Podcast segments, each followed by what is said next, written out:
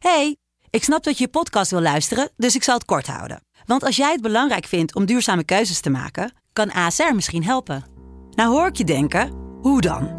Nou, bijvoorbeeld bij het duurzaam herstellen van schade. Of de premies die we beleggen volgens ons duurzaam beleggingsbeleid. Dat bepaalt waar we wel en juist niet in investeren.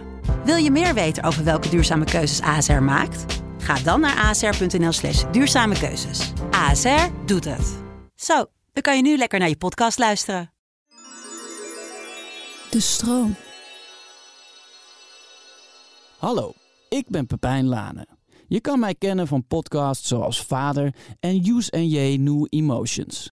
Maar dit zijn professionele tips voor een comfortabel leven.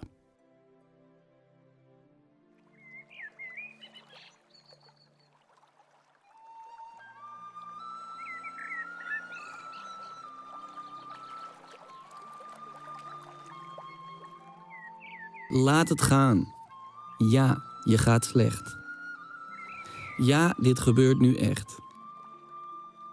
Inderdaad, dit en dat is net gezegd.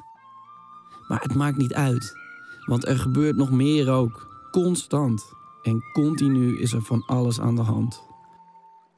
Goede dingen en ook slechte dingen. Er wordt getrokken en geduwd aan alle kanten, hoeken, gaten, van alles wat alles maakt. En jij bent het middelpunt en krijgt alles over je heen. Maar daarna is het weer weg en hoef je er niks meer mee. Kan je door, alsof er nooit wat is gebeurd. Je hebt er wat van geleerd voor de volgende keer. Niet te lang denken, daar heb je niks aan. Adem in en laat het gaan.